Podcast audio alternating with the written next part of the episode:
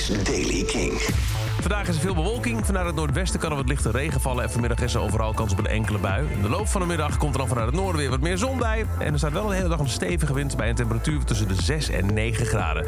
Nieuws over Dave Grohl, Marilyn Manson en The Smile. Dit is de Daily King van dinsdag 31 januari. Michiel Veenstra. Dave Grohl gaat naar de Super Bowl. Nou, dat wil zeggen, er komt een commercial die hij heeft opgenomen voor het Canadese whiskymerk Crown Royal. Uh, de Super Bowl is op 12 februari tussen de Philadelphia Eagles en de Kansas City Thieves. En altijd legendarisch voor de grote, dure, memorabele commercials. En de commercial zelf moeten we nog zien, maar er is wel al een teaser online geplaatst... waarin Dave Grohl het script een beetje doorneemt.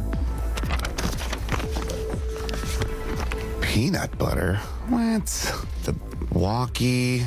The paint roller? The battery? No. Trash bags? The replay? No way. The egg carton? Did you know the egg carton? It says it right here. Whoa. Electric wheelchair. Did you know that, Lou? Yep. Hawaiian pizza? En daar houdt de teaser op. 12 februari weten we meer. Dan zie je Dave Grohl in de Super Bowl commercial voor dat Canadese whiskymerk.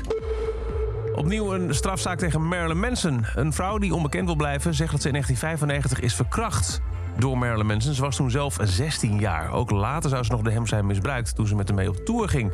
Dat komt allemaal bij Rolling Stone vandaan die dat gisteren heeft gemeld. Eh, ze zou in 95 voor het eerst contact zijn gekomen met, uh, met Marilyn Manson. Hij zou haar uh, in, haar tours, in zijn tours hebben uitgenodigd. Daar zou ze zijn verkracht.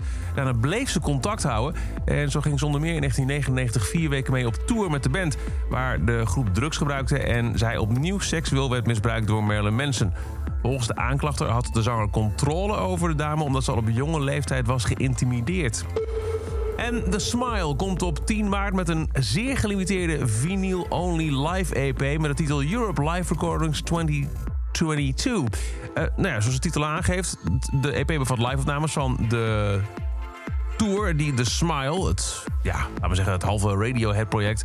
afgelopen zomer speelde tijdens eh, de Europese tour...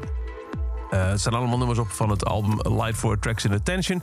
En ook uh, Tom York's Talking van zijn solo track Feeling Pulled Apart by Horses uit 2009. Nogmaals, de EP komt alleen op vinyl uit en is niet digitaal beschikbaar. 10 maart dus in de winkel.